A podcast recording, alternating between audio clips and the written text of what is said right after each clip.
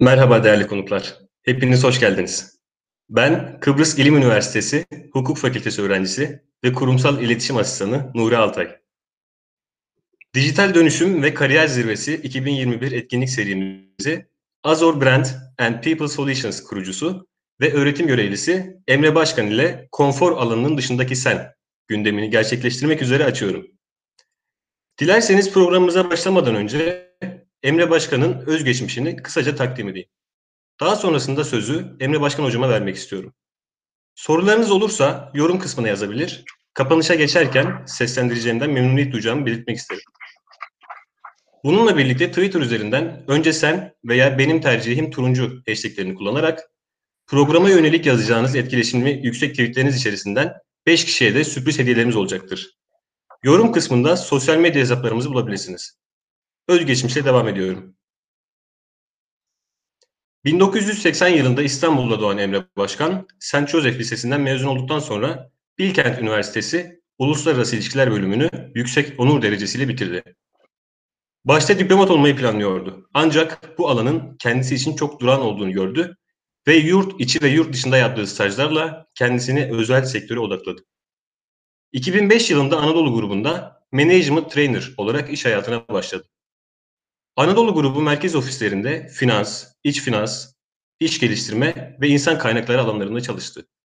Sonrasında Anadolu Efes firmasında satış ve pazarlama direktörlüklerinde iş hayatına devam etti. Kurumsal hayatı boyunca 6 ayrı disiplinde toplamda 13 departmanda görev aldı. 2012 yılında Sabancı MIT ortaklığı ile yürütülen Executive MBA programını tamamladı. Program dahilinde MIT Boston'da Global Leadership and Innovation programına katıldı. Diğer yandan Emre Başkan bir deniz tutkunu. 5 sene lisanslı sporcu olarak yelken yarışlarına katıldı ve 2013 yılında 3 kişilik bir ekiple Atlantik Okyanusu'nu geçti. Bu seyahat sonrasında hayatında büyük değişiklikler yapan başkan, 2014 yılında Azor Brand and People Solutions adlı danışmanlık firmasını kurdu. Azor adına tescil edilen danışmanlık modeli Kozmo'yu geliştirdi. Bundan sonra kendisini insanları ve firmaları konfor alanlarının dışına çıkarmaya ve onları yenilikler doğrultusunda harekete geçirmeye adadı. Aynı zamanda bir TEDx konuşmacısı olan Emre Başkan, Bahçeşehir Üniversitesi'nde öğretim görevlisi olarak MBA programında çeşitli dersler veriyor. Diğer yandan Boğaziçi Üniversitesi ve Yıldız Teknik Üniversitesi gibi üniversitelerde girişimcilik programlarında davetli akademisyen olarak katılım sağlıyor. Yine üniversitelerde ve Galata Business Angels bünyesinde mentörlük yapıyor. Danışmanlık dışında ise dijital ve tarım alanlarında çeşitli girişimleri bulunuyor. Kendisini firmaları ve insanları harekete geçirmeye adamış bir danışman, öğretim görevlisi, konuşmacı, girişimci, konfor alanı ve davranış bilimleri araştırmacısıdır.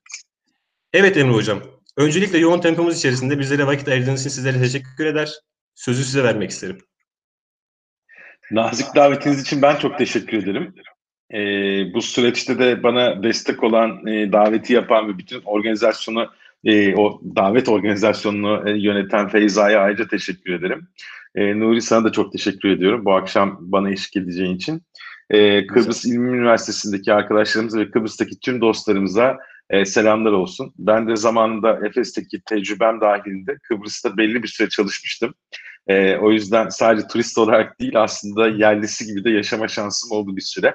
E, oraları çok özledim. E, inşallah e, şu korona süreci geçtikten sonra e, fiziki olarak da e, ziyaret eder sizleri e, görme şansını yakalarım.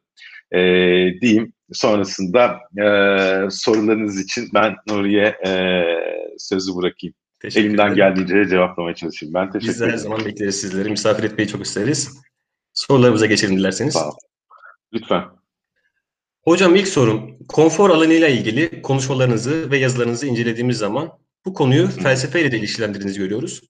Bu bağlamda Platon'un mağarası ile konfor alanı arasındaki ilişki nedir? Bizlere bu bağlamda neler aktarmak istersiniz? Ee, teşekkür ederim. Ee, öncelikle yani daha önceki yaptığım çalışmaları incelemeniz bence çok güzel bir şey. Bu soruları çünkü daha rafine şekilde sorma benim de farklı şeyler ifade edebilmeme, zemin hazırlama şansı e, oluyor böyle buluşmalarda. E, şimdi felsefe konusuna ben özellikle e, değer veren biriyim açıkçası. E, bugün e, bilimsel tarafta bilimsel diyebileceğimiz tarafta veri üretmeye, istatistik kullanarak daha böyle objektif veri üretmeye çalışsak da e, işte bilimsel taraftaki makalelerden özellikle nörobilim, e, psikoloji, işte yönetim bilimi ve yönetsel unsurlarla ilgili çalışmalara odaklansak da bilimi e, şöyle ayırıyorum ben kafamda. Burada da e, Dücane Cündioğlu e, üstada e, biraz sırtımı dayayım. Onun bir argümanı vardır. O da ayırır bazı konuları. Yani bilim e, bir şeylere e, cevap sunar. Aslına bakarsanız nasıl cevaplar sunar? Nedensel cevaplar sunar. Hani bu neden böyle oluyor? Bu neden şöyle oluyor? Oradaki nedensel ilişkiyi inceler. Felsefe de aslına bakarsanız belki de hatta bugün onun e, emarelerinde görüyoruz. Bilimsel çalışmalara zemin hazırlayacak, insanın doğasını veya sistematik sorgulayan soruları üretir. Benim kafamda böyle. Oradaki ilişkileri kendi içerisinde tartışır. E, bilimsel bir çıktısı olmayabilir bunun. Bir tartışmadır belki. Derinlemesine düşünceden geçer ama bir sistematik içerir. E, doğru cevaplara ulaşabilmek için doğru soruların kritik olduğuna inanan biriyim. O yüzden felsefe tarafına elimden geldiğince e, vakit ayırmaya çalışıyorum. O noktada da konfor alanı konusunda da tabii felsefe önem, önemli. Neden? Çünkü bu konudaki çalışmalar yani psikoloji, e, başta psikoloji olmak üzere tarihsel gidişata baktığımızda sonra nörobilim e, bazı çalışmalar olmak üzere aslında biraz e, ön plana çıkmaya başladı ama e, aslına bakarsanız e, konfor alanı konusu ilk insanla beraber hayatımızda olan bir şey olması gerekiyor mantık olarak. Çünkü her insanın bir konfor alanı var ve konfor alanı dışındaki farklı fazları var. Yani oradaki geçiş süreçlerinin yaşadığı farklı fazlar var psikolojik olarak. Bu noktada e, Platon'un e, bahsettiği şu mağara alegorisi aslında benim takip edebildiğim kadarıyla ve e, inceleyebildiğim kadarıyla ve bazı kaynaklar zaten bunu e, destekler. Konfor alanı konusuna dolaylı olarak değinilmiş, direkt bu kelime olarak kullanılmasa da dolaylı olarak değinilmiş ilk şey e, hikaye ve yine felsefe tarafından çıkmış bu. Ne, neden bahsediyor bu mağara, ale, mağara alegorisi? E, doğduğu andan itibaren e, dış dünyayla tanıştırılmayan ve e, elleri işte kelepçelenen, e, zincirlerle bağlanan bir mağaranın duvarına dönük şekilde, kafalarını arkaya bile çeviremeyecek şekilde yan yana dizilmiş insanlardan bahsediyor. Bu insanlar birbirlerini bile göremiyor arkadaşlar.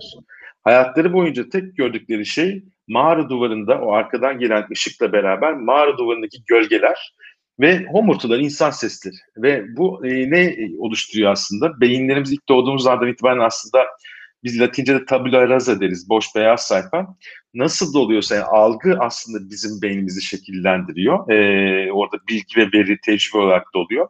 E, o noktada onlar dünyayı o gölgelerden ibaret sanıyorlar aslında bakarsanız. Sonrasında hikaye o ki e, bu mahkumlardan biri bir gün zincirlerini kırıyor ve e, aslında mağaranın bir mağarada olduğunu görüyor. İşte mağaranın dışına çıkışı olduğunu görüyor. Oraya doğru gidiyor. Güneşi ilk defa görüyor hayatında. Gözleri tabii böyle acıyor, kamaşıyor ve aslında dışarıda bambaşka bir dünya olduğunu görüyor. E, bu tabii metaforik bir yaklaşım ama e, algıladığımız dünyanın e, gerçekliğine alışmamız ve bundan başka bir gerçek ol, olup olmadığını sorgulamak veya sorgulamamakla alakalı bir süreçten bahsediyoruz. Ve sonrasında aslında bu kişinin bu mağaradan çıkışı e, hikayeyi e, şekillendiriyor. Hepimizin mağaraları var aslında bakarsanız. Ben TEDx konuşmamda o okyanusa açılma ve e, alışık olduğum kara hayat, hepimiz gibi ben de kara hayatına alışığım. E, ömrüm hayatım denizde geçmiyor sonuçta. E, ama çok uzun süre denizde kalmak zorunda kalacağım ve belirsizlikle dolu o e, yolculuğa çıkmadan önce bir gece gerçekten büyük korkular yaşamıştım ne yalan söyleyeyim. TEDx konuşmamda da anlatıyorum onu ve karaya kaçsam mı diye çok düşünmüştüm herkes uyurken. E, o noktada e, sonradan bak düşündüğünde insan bazen içindeyken bunu da çok iyi anlamlandıramıyor. Ee, insanız yani ben de insani bir eğilimle o korkulara veya tedirginliklere e, yenik düşebiliyorum elbette. Derinlemesine konuşuyoruz yine ilerleyen e, dakikalarda.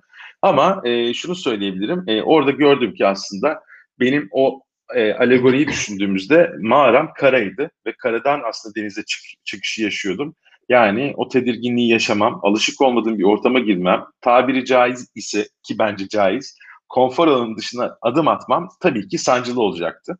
Ee, Platon'un mağara alegorisi genelde bundan bahsediyor ve dediğim gibi ben e, hepimizi öneriyorum. E, yani senin işte mesela uz üzerine uzmanlık geliştiriyor olduğun hukukta bile her alanda aslında felsefenin sorduğu sorular veya sorguladığı değerler hala günümüzde e, canlılığını ve geçerliliğini sürdürebiliyor.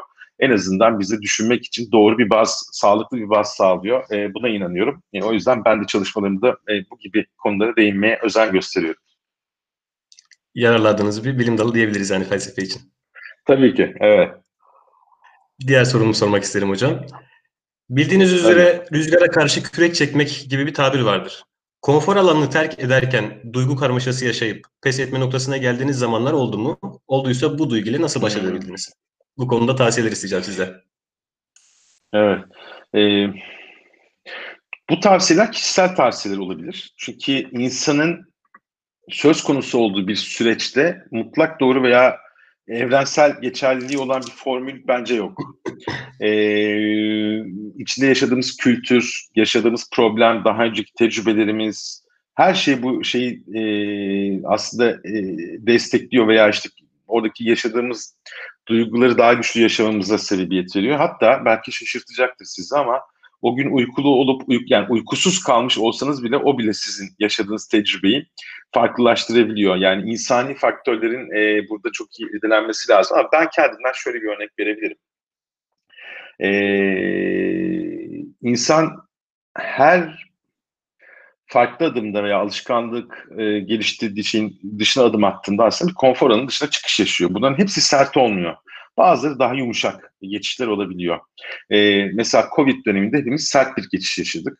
Ama örnek vereyim işte kurumsal hayata girdiniz. Mesela ben senin de bahsettiğin gibi işte iç denetim, e, finans, e, iş geliştirme, insan kaynakları satış ve pazarlama alanlarında çalışma şansı buldum.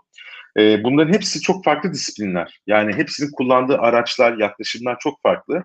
Birinde çalışıyorsunuz, mesela örnek vereyim iç denetimde çalışıyorsunuz yine rakamlar var süreçler var. Oradan finansa geçerken evet bir e, şey yaşıyorsunuz bir sarsıntı yaşıyorsunuz. Çünkü kendinizi geliştirdiğiniz e, yeteneklerinizi bir kenarda bırakıp yeni bir yetenek e, öğrenmeye başlıyorsunuz. Ve o sırada rekabet ettiğiniz ister istemez belli pozisyonlar için rekabet ettiğiniz kariyer yolundaki arkadaşlarınız sizden daha tecrübeli oluyor.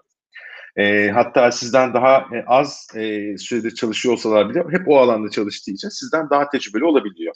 E, bunların hepsi insanı tabii biraz zorlayabiliyor ama mesela e, iç denetimden mali işlere geçmek bir yere kadar zorlarken işte insan kaynaklarından satışa geçmek daha zorlayıcı olabiliyor. Çünkü arada gerçekten çok daha farklı şeyler var. Orada kendinizi daha şey hissediyorsunuz. Bütün alan kökten farklı.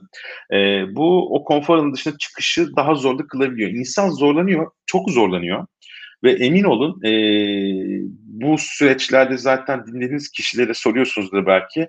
E, siz bir teveccüh gösterip büyük nezaketle e, bir fayda göreceğinizi düşünerek bizleri çağırıyorsunuz. E, biz de demek ki sizin gözünüzde o faydayı sunabilecek bir tecrübeye erişmişiz. Bu sizin nazik görüşünüzdür. Ama emin olun o tecrübeyi e, sizin fark etmenizi veya böyle yorumlamanızı m, sağlayacak dereceye gelmesi kolay olmuyor. Çünkü insan e, çok fazla düşüyor kalkıyor. Bazen kafa üstü düşüyor. Ne yapacağını bilemiyor. Ve diyor ki ben bunu yapamıyorum diyor. Ben yapamayacağım diyor. Gerçekten bazen isyan ettiği durumlar da oluyor. Bence bu noktada e, bunu şey gibi düşünün. E, bir ormanda yolunuzu bulamıyorsunuz gibi düşünün. Nereye gitmek istediğinizi bilirseniz, birincisi nereye gitmek istediğinizi bilirseniz yani hedefiniz, amacınız, bu da şey gibi değil ama bir yerden bir yere varmak değil. Oraya vardığınızda bir değer olmalı, bir anlam olmalı. Anlamlı bir hedefiniz varsa oraya devam etmek için sizi e, cesaretlendirebiliyor. İç motivasyonunuzu bununla sağlayabiliyorsunuz bence. İkincisi o ormanda yolunuzu bulmak için ve zorluklarla baş edebilmeniz için kendinizi teknik olarak geliştirmeniz gerekiyor sürekli olarak. Çünkü öyle bir yeteneğiniz yoksa veya kendinizi o teknik konularda geliştirmediyseniz e, bir problemle karşılaştığınızda zaten onu çözemeyeceğinize inanıp zaten yüksek stres yaşıyorsunuz ve konforunuz dışına çıkış zorlaşıyor. Diğer yandan e, elinizde tabii araç geniş de olacak, harita olacak. Nereye gideceğinizi bulacaksınız ama nerede olduğunuzu da çok iyi bileceksiniz. E, Mahmut Demirkan'ın kitabını da okumuştum bu örneği. O da birinden referans alıyordu. E, Türk Hava Yolları e, Teknik e, AŞ'nin e, eğitim e, başkanı kendisi. Güzel bir kalemi var. Etkin yönetim üzerine yazdığı bir e, kitap. Diyor ki e, hedefiniz bellidir. Elinizde harita ve pusula vardır. Ama nerede olduğunuzu bulamıyorsanız, bilmiyorsanız hiçbiri bir işe yaramazlar. O yüzden kendimizi tanımak bence çok önemli. Çünkü kendimizi tanıdığımızda ki bu zor bir eylem.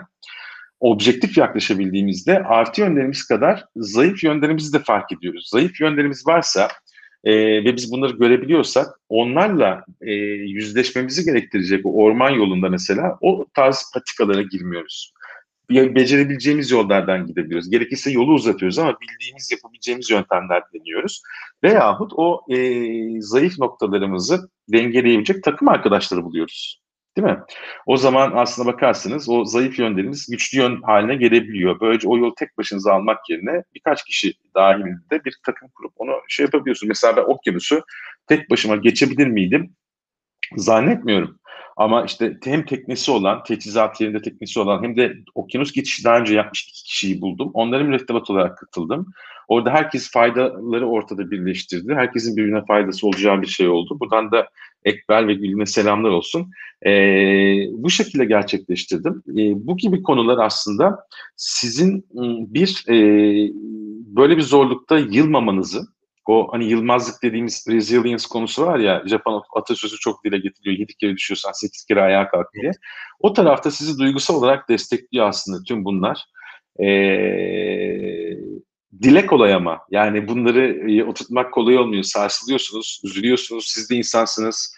Ee, bazen gerçekten pes edecek gibi hissediyorsunuz ama işte bunları bilinçli olarak hatırlayıp o farkındalıkla kendinizi hatırlatmak o eylemi devam ettirmenizde e, yardımcı olarak e, yanınızda olabiliyor. Ama bu her şey farkındalığa bağlı. Farkındalığı da e, eylemle taçlandırmak lazım. Eylem olmadıktan sonra farkındalık pek bir şey ifade etmiyor. Bu e, söylediklerinizden kendimde bir şeyler buldum. Ben de bahsetmek isterim biraz. E, üniversite hazırlık Lütfen. döneminde mesela ben e, kendim çalıştığım zaman sınava kendim hazırlanırken arkadaşlarım e, hani kendim pek verimli olamıyordum öyle söyleyeyim. Biraz da iradesine e, hakim olamayan bir insandım. Mesela arkadaşlarım vardı e, ve öğretmenlerimden de e, gereken verimi alamıyordum. Çözemediğim ya da e, uğraştığım üzerinde düşündüğüm bir soru olduğu zaman e, arkadaşlarımla konuştum. Dedim ki biz her sınav gününde ya da derslerde e, test çözdüklerimiz zamanlarda sonrasında dedim hep beraber oturalım. Soruları yapmış olsak bile baştan sona hepsini beraber tekrardan çözelim. Hı hı. Böyle bir yöntem geliştirdim. E, bu benim e, bir miktar konfor alanımın dışına çıkmama sebep oldu. Çünkü e, ben kendim çalıştığım zamanlarda hep sürekli bir bahane buluyor. 15 dakika, 20 dakika kayıp ara vererek e, kendimi böyle yalan söyleyerek üsteliyordum. Ama e, yola güvendiğim, inandığım insanlar e, ile birlikte çıktığım için ben de bir şeyleri başarmış oldum. Bu söyledikleriniz bunları hatırlattı. Şimdi diğer soruma geçmek isterim. Tabii ki. Hocam konfor alanı her insan için hemen hemen aynıdır diyebilir miyiz? Kültürel faktörlerin ebeveyn veya küçük yaşlarda bilinçaltımıza yerleşmiş rol modelimiz öğretmenlerimizin bugün konfor alanımızdan çıkarken zorlamamızı etkisi var mıdır? Konfor alanından çıkmakta neden zorlandığımızı düşünüyorsunuz? Ee, çok ince bir soru bu. Ee, temelde saydığın unsurlar yani yetiştiğin aile, çevre, işte eğitim, e, aldığın eğitim e, ya tabi olduğun eğitim e, sistemi, kültür vesaire seni şekillendiriyor tabii ki. Beni de şekillendiriyor. E, ama bunlar unsur olarak hayatımızdaki benzer noktalar.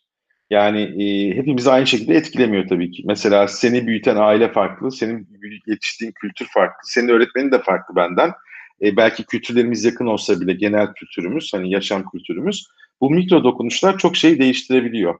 E, ve yaşadığımız tecrübeler de değiştiriyor buna ek olarak. Mesela ben denizi seven biriyim. Her zaman verdiğim bir örnek. Beni deniz kenarına koyun.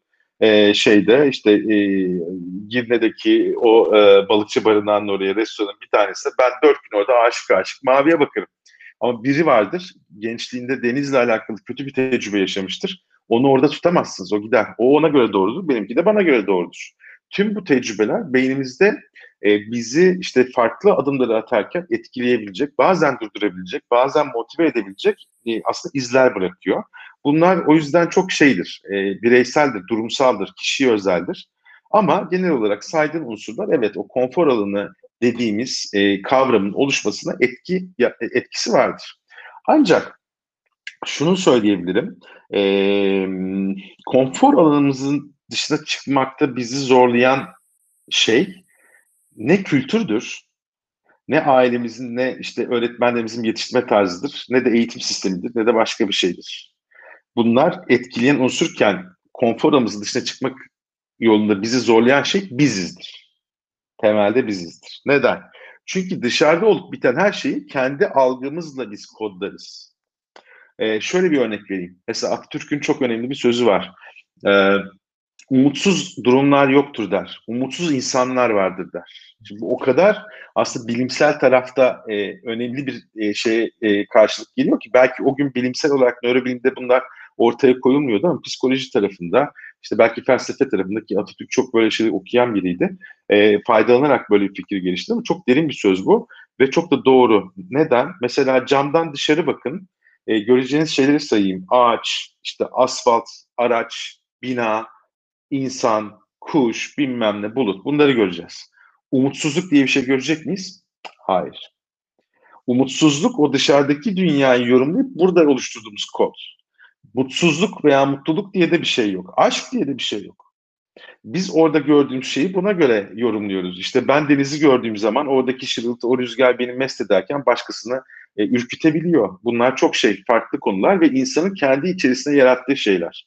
E, o noktada aslında e, konfor alanı dediğimiz konu da fiktif bir şey. Yani zihnimizde yarattığımız bir şey.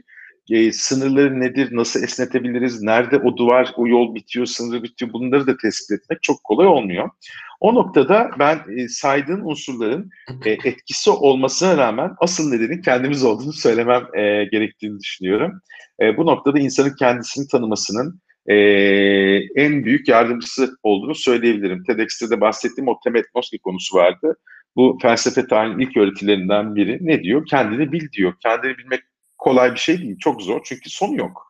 Yani biz şu an sizle buluştuğumuz 15-20 dakikadır beraberiz. 20 dakika önceki Nuri ile 20 dakika önceki Emre aynı insanlar değil. Değişiyoruz. Yeni şeyler sohbet ediyoruz. Sen bana tecrübelerini aktarıyorsun vesaire. Bunların hepsinin etkisi oluyor sorularınız beni düşündürüyor, yeni cevaplar buluyorum kendi kafamda. E, bu şekilde düşündüğümüzde aslında kendimizi tanımak zor bir şey ve durmadan kafa yormamız, zaman ayırmamız gereken bir şey. Ben bir de bunu kişisel farkındalık so, kişinin kendisini tanıyabilmesi adına bir de bilişsel farkındalık geliştirmesi gerektiğine inananlardanım. Bilişsel farkındalıktan kastım ne? Ya beynimiz nasıl algılıyor, nasıl karar veriyor?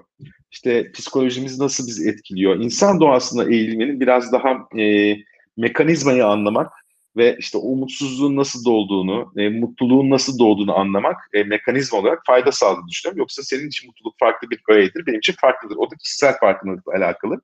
Ben bunu şeye benzetiyorum e, Nuri. Mesela senin önünde bir bilgisayar var değil mi? Ödevlerini, işte çalışmalarını bunun üzerinde yapıyorsun. O bilgisayarı sen satın alıyorsan bilgisayarın özelliklerini sorarak, araştırarak alıyorsun. Mesela bilgisayar oyunları seviyorsan veya bilgisayardan çok fazla film seyrediyorsan veya işte Netflix vesaire o gibi şeyler seyrediyorsan işte görüntü kartı senin için önemli olabilir. Bütün kapasitesini ona göre seçiyorsun. Seni bugüne kadar veya bizi dinleyen herkes kendisine sorabilir. Kaç yaşında olduğunuzu düşünün. Sizi bu yaşa kadar getiren şeyin, makinenin kapasitesi nedir? Nasıl çalışır? Sizi bugüne nasıl getirdi? Bundan sonrasını nasıl götürecek? Bunu ne kadar biliyoruz? E, bence o da önemli. Çünkü o seyahati, o hani ormanda yolumuzu kaybettiğimiz metaforu vardı ya, o seyahatte sonuca götürecek e, şey, yardımcımız o e, ve aslında kapasitesi çok yüksek bir e, organ. Onu tanıdıkça bence hayatı yorumlamak da biraz daha netleşiyor. E, o da yardımcı oluyor. Bu noktada hani kişinin kendisini tanıması gerektiğini çünkü konforun dışına çıkmadaki en büyük engelin kendisi olduğunu nihayetinde e, söyleyebilirim. Teşekkür ederim hocam cevabınız için. Ben teşekkür ederim. E, hayal etmesi bile zor olan Atlantik Okyanusu seyahati. Az önce bahsetmiştiniz. Hı. Bu hayalinizi ger- gerçekleştirmeye nasıl karar verdiniz? E, katıldığınız bir programda kararlarımızı almamızdaki en büyük etkenin duygularımız olduğunu söylemiştiniz. Buradan hareketle sormak istiyorum. Hayallerinizi gerçekleştirmek için sizi dürten duygu ne oldu? Şöyle, bunun iki tane cevabı var. Aslında senin sorundan iki tane tarafı var bunun. Nasıl böyle bir şey karar verdim? Ya bir kere ben e, ailesi çok şükür e, her probleminde yanında olan biriydim. Yani hala da öyleyim çok şükür. Eksik olmasınlar. Bir problem yaşadığım zaman annem, babam hatta geniş ailem hep yardımcı olurdu ve e, problemimi daha rahat çözerdim veya işte e, bir, bir hedefim varsa ona koşarken hep böyle o duygusal faydayı da yaşardım. E, ama e, kendime dair ne vardı hayatımda geçmişe baktığımda onu mesela cevabını çok bulamazdım. Çünkü hep aileyle şekillenmiş bir hayatım var. Mesela sen hangi takım tutuyorsun Nuri? Ee, Galatasaraylıyım. Galatasaray. Baban hangi takımdan? Babam takım tutmuyor. Baba takım tutmuyor. Ailede Galatasaraylı kim var? Yani bir büyüğün var mı? Ee, çevremde e, uzaktan da olsa akrabalarım var. Var. Peki. Ee, sana şeyi söyleyeyim mesela Galatasaraylı olmaya nasıl karar verdin? Ee, böyle hı. Yani benim pek e, futbolla işin asla alakam yoktu. Hala pek mi? hani aşırı derecede bilgim yoktur. E, ama e, mesela bir derbi olduğu zaman ya da Galatasaray'ın başka biriyle maç olduğu zaman diğer tarafı desteklemeyi hiç istemiyorum. Belki renkleri bana sıcak geliyor. Belki bilmiyorum hani oraya gelip giden insanları seviyorum. E, bu sayede ben Galatasaraylı oldum. Böyle cevap vereyim. Okey. Yani e, şöyle rasyonel bir varlıksak e, ve insan kazanmayı seviyorsa, kaybetmeyi sevmiyorsa ne yapar? Bütün takımları böyle kağıda kalemi alır, yazar, çizer. Bu takım kadrosu şöyle işte bu kadar e, mantıklı gidiyor. Altyapısını şöyle kurguluyorlar. Rasyonel bir karar verecekse bunları analiz edip takımını seçer. Öyle yapmıyoruz. Etrafımızdan çok fazla etkileniyoruz ve seç, seçimlerimizde o içinde yaşadığımız, senin de bir önceki soruda sorduğun gibi işte yetiştiğimiz aile, kültür, eğitim, kimlerle temas ettiğimiz çok kritik. Bu noktada mesela benim ailemde hiç denizci yoktu ama ben de bir şekilde denize karşı bir e, sevgi oluştu. E, o tarafa o taraf beni çekmeye başladı açıkçası. Ve bir gün yelken sporuyla tanıştım. E, 18-19 yaşındaydım yanlış hatırlamıyorsam. E, hiç planladığım bir şey değildi. Çok hoşuma gitti. O rüzgarın sesi işte o, o suyun üzerinde motor sesi olmadan ilerlemek ve bir halat yardımıyla ve bir bez yardımıyla doğaya ayak uydurup orada aslında akıp giden o enerjiyi e, güce çevirip ondan istifade edip doğayla dans ediyorsun aslında. E, keyifli bir şeydi benim için. Ama okyanusu geçme konusu Sadun Boro ile alakalı. Yani geçen gün bir abimizin daha bir şeyi vardı. O da beyin cerrahiydi. E, aynı soruyu sordular ya nereden geldi bu diye. O da yanlış hatırlamıyorsam dünya turu yapmıştı. Daha büyüğünü yaptı. E, o da Sadun Boro'dan bahsetti. Yani insanın hayatında Türkiye'nin e, Sadun Boro kim? Dünya turu yapan ilk Türk. Yelken tekneleri, küçük bir yelken tekneleri bunu yaptı. Eşi o da Bora ile beraber. E, Allah rahmet eylesin. E, ve ilk bu yolculuğa başlamadan önce bizim gibi Türkiye'de yelken yaparken ilk uzun yolculuğunu Atlantik Okyanusu'nu geçerek yaptı. Mesela şimdi onun yaptığı işte onun kitaplarını okuduğunda, onun heyecanını e, hissettiğinde içinde onlar senin için böyle adımlar oluşturuyor. E, o yüzden Türkiye'deki birçok kişi mesela Hint okyanusunu geçeceğim, hayalini kuruyorum diyen bir Türk yelkenci bulman çok kolay değildir. Veya işte Pasifik okyanusunu geçeceğim de, diyen de çok fazla değildir. Genelde Atlantik okyanusudur. Ben burada Sağlım Bora'nın bir e, mihenk taşı olduğuna inanıyorum. Diğer taraftan duygusal taraf. Yani duygusal tarafa da girmeden önce şu takım olayından sana bir örnek vereyim. Bir gün Yeditepe Üniversitesi'ndeyiz Nuri'cim. E, orada bir workshop yapıyoruz. Bir çalıştay, e, gönüllü bir çalışma yapıyoruz. Nisan ayının sonu gibi hava güzel. E, yani dışarıda böyle ben bu gömlekte durabiliyorum. Hafif serin ama bu gömlekte rahat duruluyor. Sınıfın içinde bir arkadaşımızın da Beşiktaş atkısı var boynunda. Yani sıcak hava zaten içeride onu takıyor. Ben de dedim ki tamam şey sorusunu sordum. Arkadaşlar fanatik bir futbol taraftarı olan var mı dedim. Öyle bir şey koyalım kod isim ona. Dedim ki Yusuf dedim hangi takım dedim. Zaten belli ama hani Beşiktaş demedi pençelerini gösterdi. Tamam dedim fanatik bile. Peki dedim e, Yusuf dedim hayatında fanatikler bazen böyle zor durumlar yaşıyor işte. Türkiye'de dünyada kavga çıkıyor bir şey oluyor. Yaşadığın zor bir durum var mı dedim. Bayağı zor durumlar yaşamış. Yani ucundan döndüğü durumlar olmuş. E, artı bir de e, mesela yükseklik korkusu olan biri ama Beşiktaş'ın e, derbilerine arkadaşlarının zoruyla uçakla gitmiş birkaç kere. Yani çünkü o yükseklik korkusu olan kişi ölüm korkusu yaşıyor orada. E, insanın nihai hedefi, e, amacı ve beynin de e, zaten o e, alttaki dürtüsü, bilinç altındaki bütün kurgusu e, yaşamı devam ettirmek üzerine olduğu için bu aslında o rasyoneliteyle e, veya beynin işlemesiyle ters düşen bir şey. O zaman bir duygu olması lazım orada bundan daha büyük. Ben de ona şeyi sordum. Ee, neden Beşiktaşlısın dedim. Dedi ki benim kanım siyah beyaz akar dedi. Dedim ki o değil dedim. Neden Beşiktaşlısın? Nasıl Beşiktaşlı oldun dedim. Bakın ne çıktı biliyor musunuz?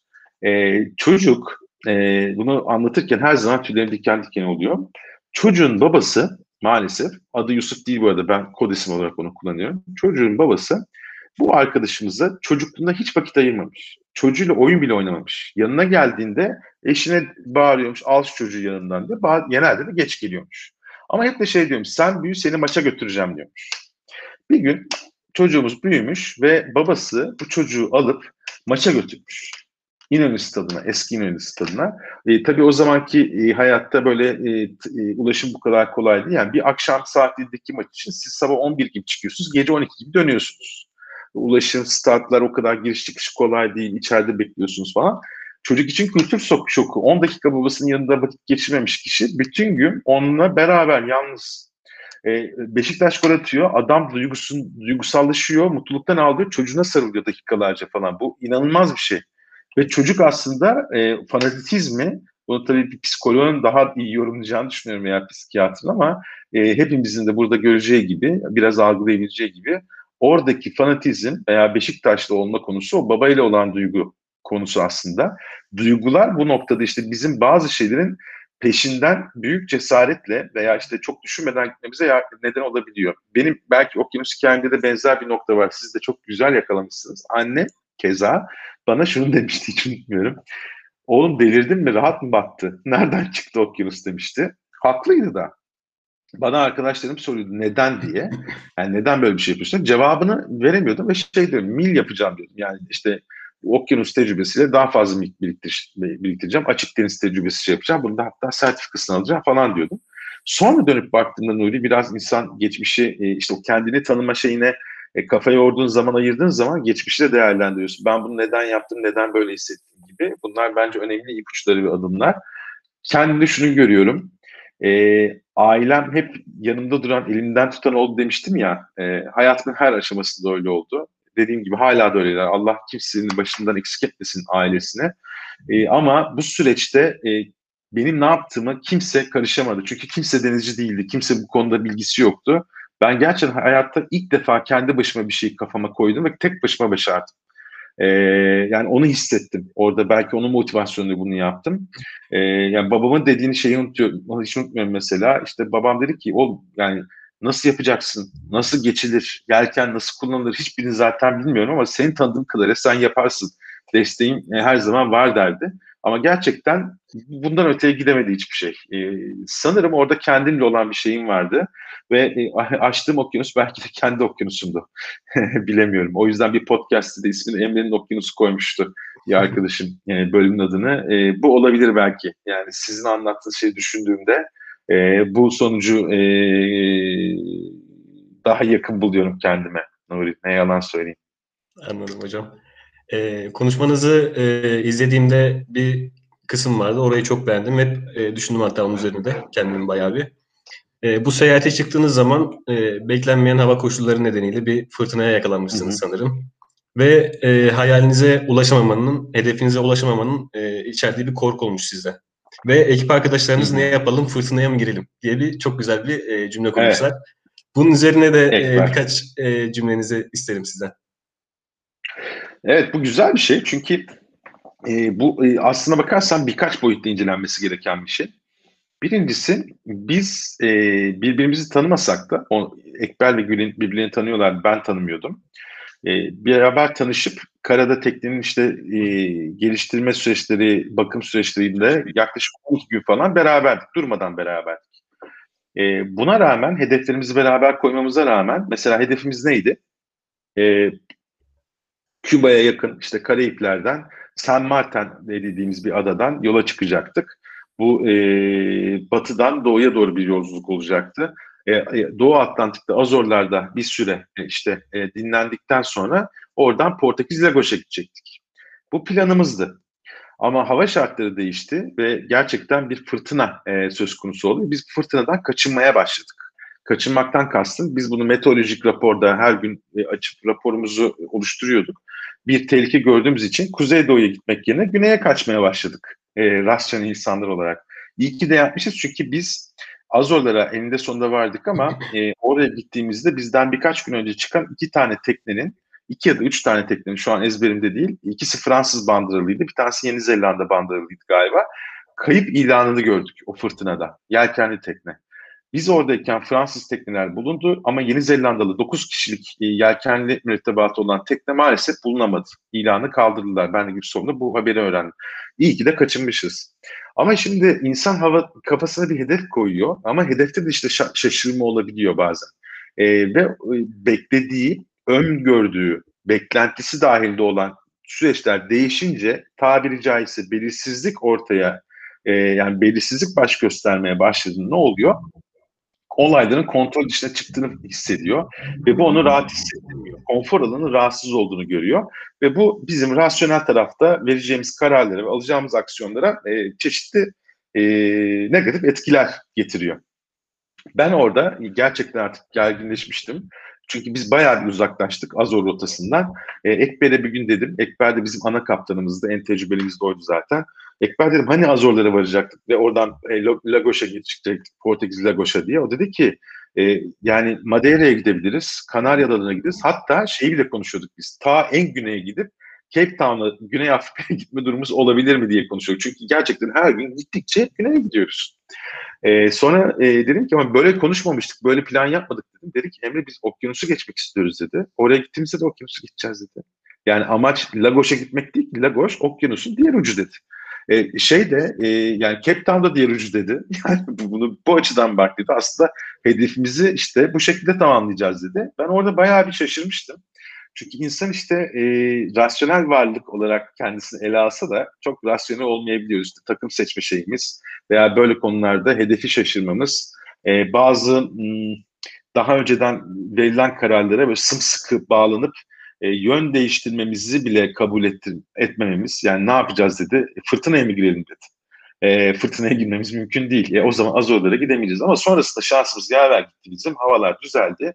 Ve biz e, yukarı doğru bir tırmanış yaparak haritada e, Azorlara vardık. Daha zordu ve çok daha uzun bir süreç oldu ama Azorlara vardık. Ama hedef konusu işte insanın kafasında hep şey yapıyor. Güzel bir noktaya değindin. E, hedef ve oradaki anlam yani e, Lagos'un veya işte Portekiz'e varının bir manası yok. Oradaki mana, anlam okyanusu geçmek. E, o noktada o ikisinin arasındaki farkı e, doğru ayırt ettiğimiz bir hayatımızın olması e, harekete geçme süreçlerimizde, o konforumuz dışına çıkma süreçlerinde kolaylaştırıcı unsur oluyor. Yoksa kendimizi gerebiliyoruz gereksiz. Teşekkür ederim. Ee, Emre Hocam, kurumsal Emre Başkan ile şu an karşımızda bulunan Emre Başkan arasındaki fark nedir? Biraz özel bir soru olacak sanırım. Hmm. Ee. Şöyle, kurumsal hayatta özlediğim şeyler var takım arkadaşlarım. Yani ben e, çok seviyordum arkadaşlarım ya ve çok fazla departman gezip farklı disiplinler görünce ve çok fazla şehir de gezmiştim. Kıbrıs'ta da bulundum, İzmir'de, Antalya'da çalıştım, Konya, Kayseri, Nevşehir, e, Adana'da çok kısa bulundum, İstanbul zaten durmadan rutlarda da geziyorduk. Çok fazla insana tanışmıştım. Hala da haberleşiriz çoğuyla. Onlardan ayrılmak çok zor oldu açıkçası. Bir rahatsızlık geçirdiğim için ayrılmak zorunda kaldım. E, ama bugün baktığımda hmm, görev tanımımı kendim tayin edebiliyorum. Ee, mesela ilk başta bu konulara başladığımda konfor alanı konusuyla iş dünyasını bağdaştırma konusunda benim kadar herkes bir şey görmüyordu, mana görmüyordu. Ben o manayı anlatmaya e, zaman harcadıkça manasını oluşturmaya başladığımı görüyorum. Öyle ki bugün Harvard Business Review Türkiye e, dergisinde e, Türkiye genelinde yaptığımız bir araştırmayı her sene Kasım ayında yayınlıyoruz. Bunun dışında e, blog tarafında da yayınlarım oluyor. E, üniversiteye e, yolculuğum böyle başladı. Yani Bahçeşehir Üniversitesi'nde yüksek lisans sınıflarında iki farklı başlıkta ders veriyorum. E, Boğaziçi Üniversitesi'nde, Yıldız Teknik Üniversitesi'nde yine kendi uzmanlık alanı yani konfor alanı konusuyla ilgili geliştirdiğim unsurlar nedeniyle oralarda girişimcilik e, alanlarında gidip destek veriyorum o derslere kendi uzmanlıklarım dahilinde. E, yani bu bir şekilde şu oluyor. E, e, iş yapma deyince, yönetim deyince herkesin aklına bir şey geliyor. O senin bahsettiğin işte okul, eğitim, kültür, okuduğumuz şeyler, genel geçer şeyler bir algı yaratıyor kafada. Ee, orada farklılaşmak belki zor olan. Çünkü e, yeni bir yola gitmek, yeni bir sürece başlamak o konforun dışına çıkış oluyor. Karşındaki insanlar da bunu anlamlandıramadığında ve bunu sen dile getirdiklerini ne hissedersin? Kendini kötü hissedebilirsin yani. Dersin ki acaba yanlış bir şey mi yapıyorum? Ama o noktada rasyonel şekilde gerçekten kendini e, bulabildiğin, kendini daha iyi hissettiğin bir yolculuk tasarlayabiliyorsan ve bunu gerçekten içinde hissediyorsan o zaman sonrası geliyor gibime geliyor. Sadece orada e, kararlı ve istikrarlı olmak gerekiyor. E, tabii farklı unsurları da e, yetkinlik olarak barındırmanda fayda var ama dün de bugüne karşılaştırdığımda bugün gerçekten beni heyecanlandıran bir konuda e, kendimi geliştiriyorum. Eskiden pazarlama yapıyordum, satış yapıyordum. İşte yönetsel taraflarda vardım. Ve bugün o konuyu e, yine pazarlamada, satışta ve yönetim tarafında kullanabiliyorum. Ben bunu eski çalıştığım e, kurumda ben böyle bir merak duyuyorum. Bunu geliştirip bunu kurumumuza fayda sağlayacak bir hale getireceğim. Ama bunu yapmak için şunları şunları yapacağım, işte şunları okuyacağım, mesaimi bu kadarını araştırmaya harcayacağım tarzı bir şey deseydim görev tanımına uyuşmazdı. Bugün dışarıda bunu yapıp yine eski çalıştığım kurumlara dışarıdan destek verebiliyorum. O açıdan baktığında biraz daha nereye gittiğini bilen bir Emre var diyebilirim. Ee, nereye gittiğini bilen ama o takımdaşlık tarafında da eski arkadaşlarını çok özleyen bir Emre var diyebilirim. Ama yine de e, sıfırdan demeyelim de e, noktaları birleştirip yeni bir değer ortaya koyabilmek insanı motive eden bir konu, iyi hissettiriyor. Hele bunun meyvelerini almaya başladığında daha da hissediyorsun. Ben aynı zamanda tarımla da ilgileniyorum. Tarım tarafında bir yatırımımız var ortaklarımla beraber. Tarım nedir? E, sabır isteyen bir şeydir.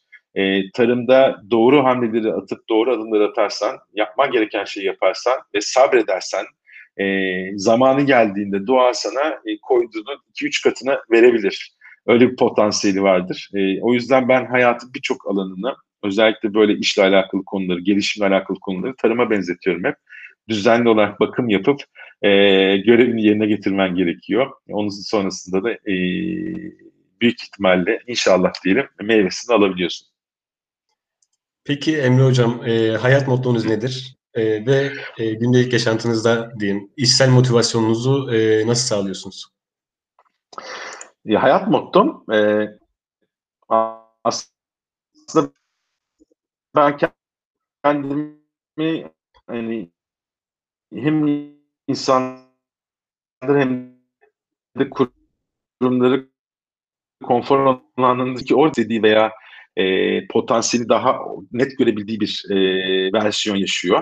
E, insanlar da bunu yaşadığı zaman onların oluşturdukları kurumlar aslında yeniliklerle buluşabiliyor. Farklı değişim süreçlerinde daha avantajlı olabiliyorlar. O noktada ben e, o değişim sürecinde ve insanların potansiyellerini ortaya koyabilmeleri sürecinde katalizör olmak istiyorum. Ee, onlar kendilerine dair daha iyi bir adım attıklarında, mutlu olduklarında ben en az onlar kadar mutlu oluyorum. Kurumlar için de geçerli. E, genel mottom bu diyebilirim. E, diğer yandan içsel motivasyonu nasıl sağlıyorum?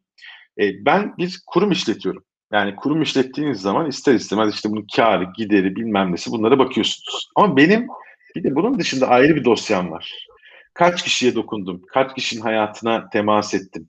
Mesela bugün de onlara bakacağım. Burada kaç kişiyiz şu anda bilemiyorum ama e, ben LinkedIn'i özellikle, Instagram'ı da ama özellikle LinkedIn'i çok aktif kullanan biriyim. Ve bugün burada konuştuğumuz şeylerin iş hayatına sirayet eden örneklerini, kitapları, podcastleri, işte makaleleri, bazen onunla ilgili filmleri veya belgeselleri neyse e, her gün LinkedIn'den paylaşıyorum. Oradan bana birçok arkadaşımızdan soru geliyor. Onlara temas edip onlara yardımcı olmaya çalışıyorum. Siz de sorularınızı bana orada iletebilirsiniz.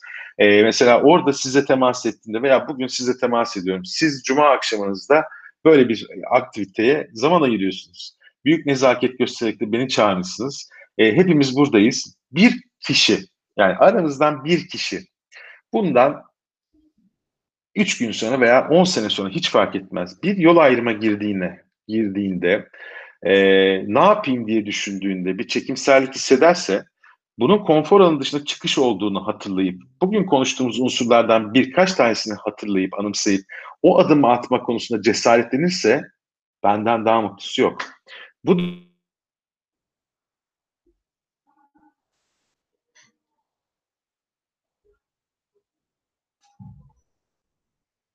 Bağlantıda sanırım bir e, aksaklık yaşandı.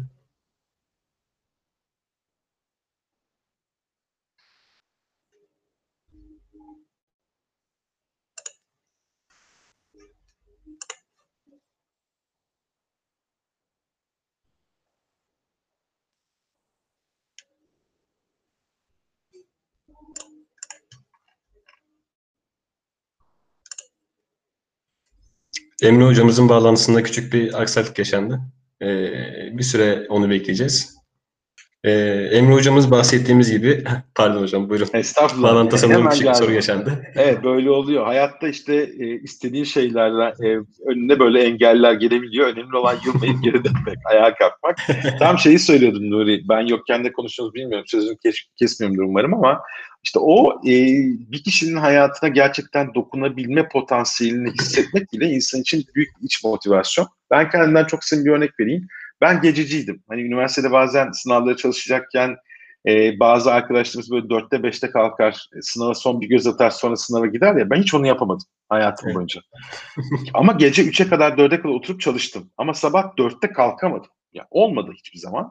E, ama mesela bugün bu motivasyonla o anlamlı hedefimi bildiğim için benim hayatım kökten değişti. Ben saat 5 5.30'da kalkıyorum gün e, sabahları ve herkes uyurken mail gelmediği zaman işte telefon gelmediği zaman ne yapıyorum? Oturuyorum bir şey okuyorum.